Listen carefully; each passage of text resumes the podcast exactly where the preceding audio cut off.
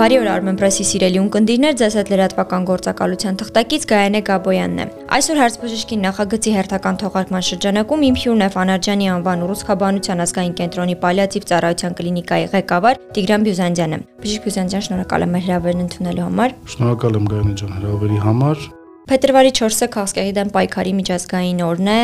Խոսենք քաղցկեղից։ Ինչ է քաղցկեղը, ընդհանուր բնութագրենք։ Ինչպես է ախտորոշվում, ինչպես կանխել այն եւ ինչ է քաղցկեղի տարածվածությունը մարդու օրգանիզմում։ Քաղցկեղը ընդհանուր առմամբ դա չարորակ հիվանդությունների խումբ է, որոնք որ իրենց բնույթով եւ ծագումով պատկանում են էպիթելիալ հյուսվածքին, այսինքն էպիթելիալ հյուսվածքից առաջացած չարորակ գոյացություններն են քաղցկեղները, ինչ վերաբերվում է տարածման աստիճանին եւ ախտորոշմանը, յուրաքանչյուր օրգան համակարգի եւ կոմբինացված ուռուցների ժամանակ կան ախտորոշման ինքնույն ստանդարտներ։ Ռադիոլոգիական ախտորոշումներն են, նեղ հետազոտություններն են, հյուսվածաբանական հետազոտություններ են եւ այդ կոմպլեքսի արդյունքում մենք ունենում ենք հիվանդության փուլ, հիվանդի ուռուցքի անուն ազգանունը, որը մեր լեզվով ասած դա նեղ ենթատիպն է եւ իմունոֆետոն ֆենոտիպորեն տարբերակված ուռուցքն է եւ ըստ տեղակայման աստիճանի ըստ օրգանի արդեն բուժման ստանդարտները շատ յուրահատուկ են, բայց ընդհանուր առմամբ բոլոր ուռուցքները ունեն իրենց փուլավորումը առաջինից 4-րդ, ինչքան փուլը աճում է, այնքան ուռուցքի տարածման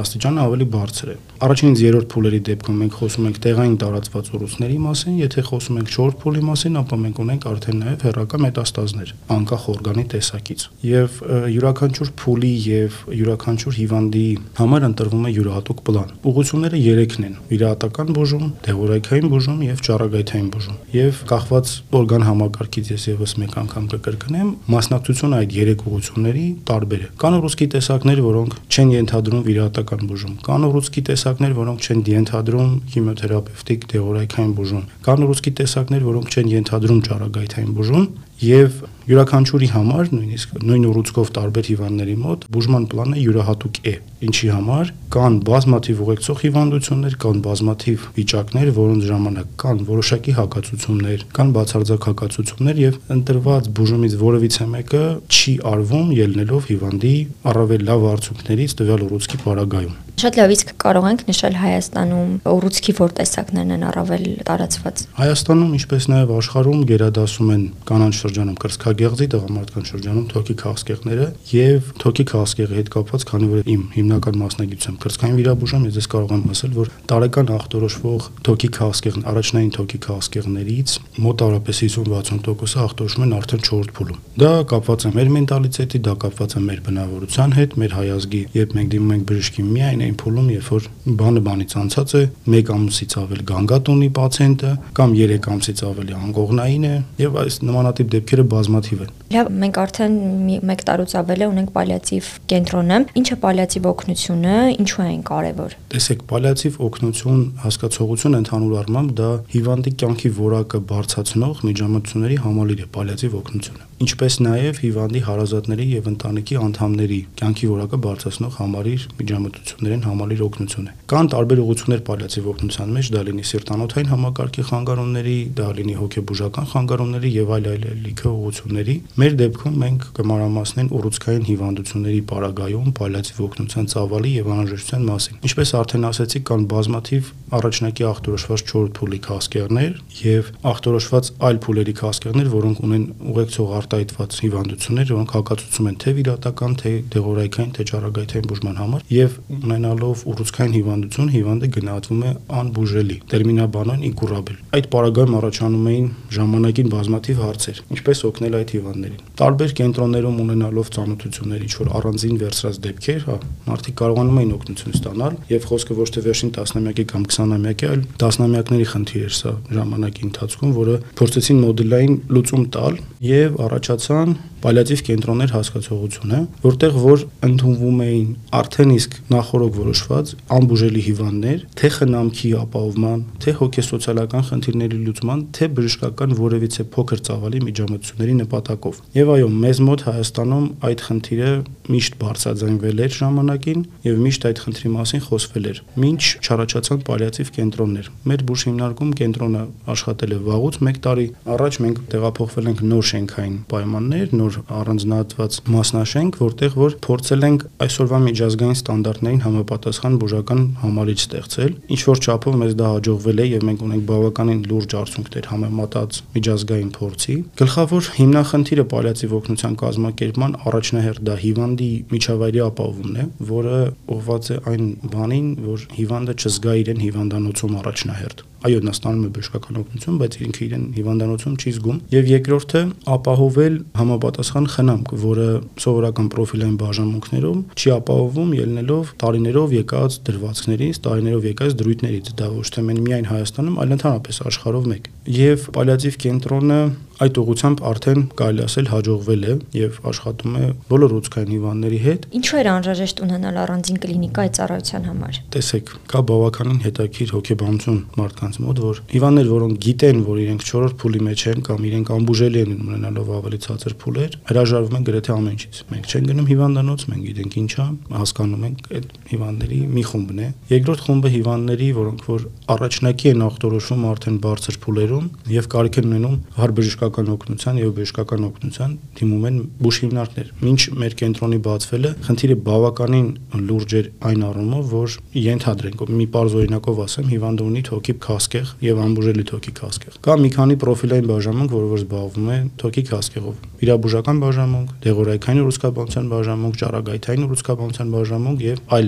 թերապևտիկ բաժանմունքներ։ Դիմելով նմանատիպ տեղեր, պացիենտները առնչվել են հետեւյալ խնդիրների հետ վիրաբուժական տեսանկյունից։ Վիրաբուժական խնդիր չունի սուր հիվանդը դեղորայքային ուռուցքաբանության տեսանկյունից միևնույնն է բուժում չի ստանալու, սակայն ինչի համար նա պետք է այնտեղ ապարկի նույն պրինցիպով ճառագայթային ախտորոշումը եւ թերապևտիկ պրոֆիլները։ Եվ այս հիվանդները մնում էին կոպիտ ասած օթում Այո, նրանք կարիք ունեն բժշկական հսկողության եւ փոքր ծավալների միջամտության, բայց դա արվում էր կենցաղային պայմաններում կամ անձնական կապերի հաշվին, ինչ որ հիմնարկներում, ինչ որ բաժանմունքներում։ Եւ կարիք առաջացավ նմանատիպ հիվանդներին կենտրոնացնելու եւ ապահովել նեղ մասնագիտական ավելի խորը օգնություն, քանի որ նմանատիպ հիվանդներ ունեն բավականին լուրջ նրբություններ եւ բավականին մեծ առանձնահատկություններ ի տարբերություն այլ պրոֆիլային բաժանմունքների։ Եվ այդ գաղափարից ելնելով առաջացավ հենց պալիատիվ կլինիկայի ստեղծման գաղափարը։ Շատ լավ, ամփոփելով կլինիկ կլինիկայի գործունեության 1 տարին, կասեք ինչ է տվել առանձին կլինիկա ունենալը կենտրոնին, պետությանը եւ մեր քաղաքացիներին։ Թույլ տվեք հակառակ հերթականության պատասխանեմ ձեր հարցին, ինչ տվեց քաղաքացուն։ Անցած տարվա ընթացքում մեզ դիմել էր մոտ 1200 բուժառու եւ մենք կարողացել ենք ապահովել 65% դուրսգրման ծավալ։ Համեմատելով միջազգային այլ նմանատիպ փորձերի հետ, տատանումը մոտավորապես 50-ից 60%-ի սահմաններում է միջազգային արտացոլված ստատիստիկաներում, կարելի ասել մենք ինչ որ չափ ավելի առաջ ենք, քան մեր գոլեգաները, սակայն հաշվի ենք առնում նաև այն փաստը, որ շատ հիվանդներ նախընտրում էին իրենց կյանքի վերջին օրերը անցկасնել տանը, հարազատների հետ եւ այլն, այդ առումով մեր ստատիստիկան մի քիչ ավելի շեղված է, քան միջազգային պրակտիկա։ Բայց եւ այնպես ունենալով նմանատիպ ծավալ հիվանդների մենք տալիս ենք պետությանը նմանատիպ արդյունք եւ ապահովում ենք այդ հիվանդների մարշրուտիզացիա հասկացողությունը։ Պատկերացնենք մի իրավիճակ, եթե պալիատիվ կլինիկան չլներ, տարվա մեջ այդ 1200 հիվանդը կոպիտ ասած բեռ էին դառնալու բոլոր բուժ հիմնարկների համար, այդ թվում եւ ռուսկաբանական հիվանդանոցների, այդ թվում եւ ընդհանուր պրոֆիլի բաժանմունքների եւ ունենալու էինք ոչ ճիշտ բուժօգնության եւ ոչ ճիշտ հոգեբանական աջակցության ծավալ։ Կենտրոնի մեջ կուզենայի առանձնացնել նաեւ հոգեսոցիալական թիմի աշխատանքը, քանզի կարելի ասել աշխատանքի մոտավորապես 60%-ը պատկանում է իրենց եւ արդյունավետության 60%-ը պատկանում է իրենց։ Դա առաջնահերթ հիվանդի հարազատների հետ զրույցներն են։ Դա հոգեբանական աջակցություն է, որը որ իմ կարծիքով անձամբ բավականին մեծ արդյունք է տվել եւ մենք ունեցել ենք տարբեր հիվանդներ, որոնք չեն ուզեցել շփվել ոչ մեկի հետ, չեն ուզեցել բացարձակ կոնտակտի դուրս գալ գիտակցաբար իմանալով իրենց ախտորոշման մասին, սակայն մեր մասնագետների աշխատանքի շնորհիվ ինչ որ չափ կարելի ասել տվյալ հիվանդները տակացել էին։ Սկսել են շփվել, զրուցել, մանգալ, քայլել եւ այլն։ Ինչպես նաեւ մեր հոգեսոցիալական թիմի մեջ կուզենայի նաեւ առանձնացնել սոցիալական աշխատող հասկացողությանը, ինչի համար կան բազմաթիվ հիվանդներ, որոնք թե իրավաբանական խնդիրներ, թե որևիցե բյուրոկրատիկ խնդիրներ կապված իրենց վիճակի վատացման հետ, հա, չգիտեմ, կտակի թողնելը կամ այլ ինչ որ փոքր նրբություններ, տեղեկանք, այսինչ հատված տեղափոխել եւ այլն, տվյալ ուղությամբ աշխատանքը կարելի ասել բացառիկ է Հայաստանի համար, քանի որ ես անձամբ իշխան հիմնարկների հետ որ շփվել եմ գործ եմ ունեցել, այդ բեռը բժշկի, բուժող բժշկի վրա էր եւ բնականաբար չէր իրականացվում ամբողջ ծավալով։ Շատ լավ, ինչ խնդիրների եք բախվել այս մեկ տարվա ընթացքում։ Ասեմ ձեզ, ելնելով կրկին անգամ մեր մենտալիտետից եւ մեր ազգի, մեր երկրի ներբություններից, մենք առաջվել ենք առաջնակի ախտորոշված բարձի թողի քաղցկեղների բավականին մեծ ծավալի հետ։ Ասեմ, ինչպես էին այդ հիվանդները հայտնվում մեզ մոտ, քանի որ ունեին արտահայտված ցավային համախտանիշներ եւ նույնիսկ չէին էլ հասցրել ախտորոշում ունենալ մինչեւ դիմելու հիվանդանոցը, քանի որ ախտորոշումը կատարվել էր միայն ռադիոլոգիական տվյալներով եւ միայն ռադիոլոգիական տվյալներով արդեն դիմել էին հիվանդանոց, բայց մյուս կողմից էլ արդեն կոպիտ ասած բարձի թողի վիճակ էր։ Եվ ունեցել ենք բավականին մեծ ծավալ տվյալ հիվանդների խմբի, կատարել ենք բուժօգնություն, ինչպես նաև մեր մահճակալի վրա կատարել ենք ախտորոշում։ Այսինքն դա բիոպսիոն միջոցառումներն էին կամ տեղափոխում պրոֆիլային բաժանմունքներ։ Կային նաև հետեւյալ պրինցիպը պալիատիվ օգնության աշխատանքի, քանի որ կասկեղի եւ առասարակ շարակորուցքային հիվանդությունների բուժումը ինքնին փուլային է, դա լինի քիմիոթերապևտիկ թե ճառագայթային էպիզոդներ են, որոնք որ իրար հաջորդում են եւ շատ ժամանակ պացիենտների մոտ առաջ առաջանում են որևիցե վիճակներ եւ սիմպտոմներ, որոնք որ համընկնում են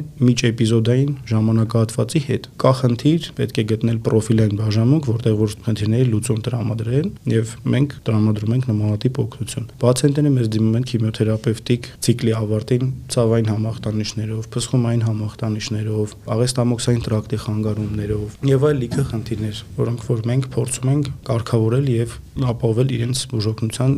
ցիկլայնության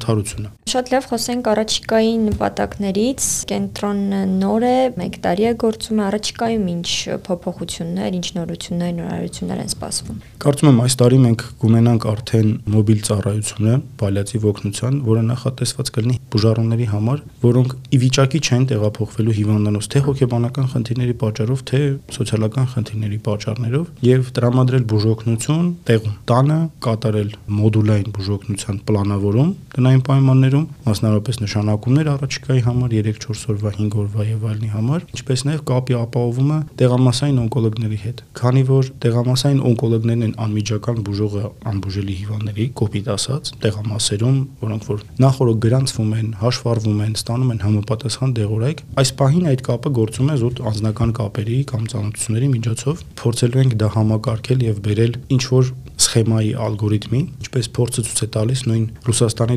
Դաշնությունում, Վրաստանում եւ Եվրոպայում կան նմանատիպ մոդելներ եւ մենք փորձելու ենք գտնել մեզ համար ավելի ընդունելի տարբերակը եւ մեր երկրին համապատասխանող մոդուլը, որը կարող է աշխատել։ Շատ լավ, առաջիկայում նաև Հայաստանում սպասվում է հայկական ուռուցքաբանական կոնգրես։ Կխնդրեմ մի փոքր անդրադառնանք ինչ կոնգրես է, ինչ դեր ու նշանակություն ունի դա ոլորտի զարգացման համար։ Տեսեք, փետրվարի 4-ը քաղաքերի դեմ պայքարի միջազգային օրն է եւ մեզ համար ավելի քան ակտուալ է դրա մասին խոսելը, ունենալով բավականին մեծ խնդիրներ կապված բարձր փուլերի հետ, ունենալով նաև ինֆորմացիայի հասանելիության խնդիր Հայաստանի Հանրապետության պայմաններում, մեզ համար շատ խորհրդանշական է ամսի 4-ին յուրաքանչյուր տարի կազմակերպել ռուսկաբանության ազգային կոնգրես եւ խոսել տարբեր ոլորտի նորարարությունների նոր լուծումների, ինչպես նաև հին ու նոր լուծումների համեմատումների մասին եւ մասնակցությունը գրեթե միշտ գերազանցում է մեր սպասելիքները։ Այս տարի եւս Ջերմուկ քաղաքում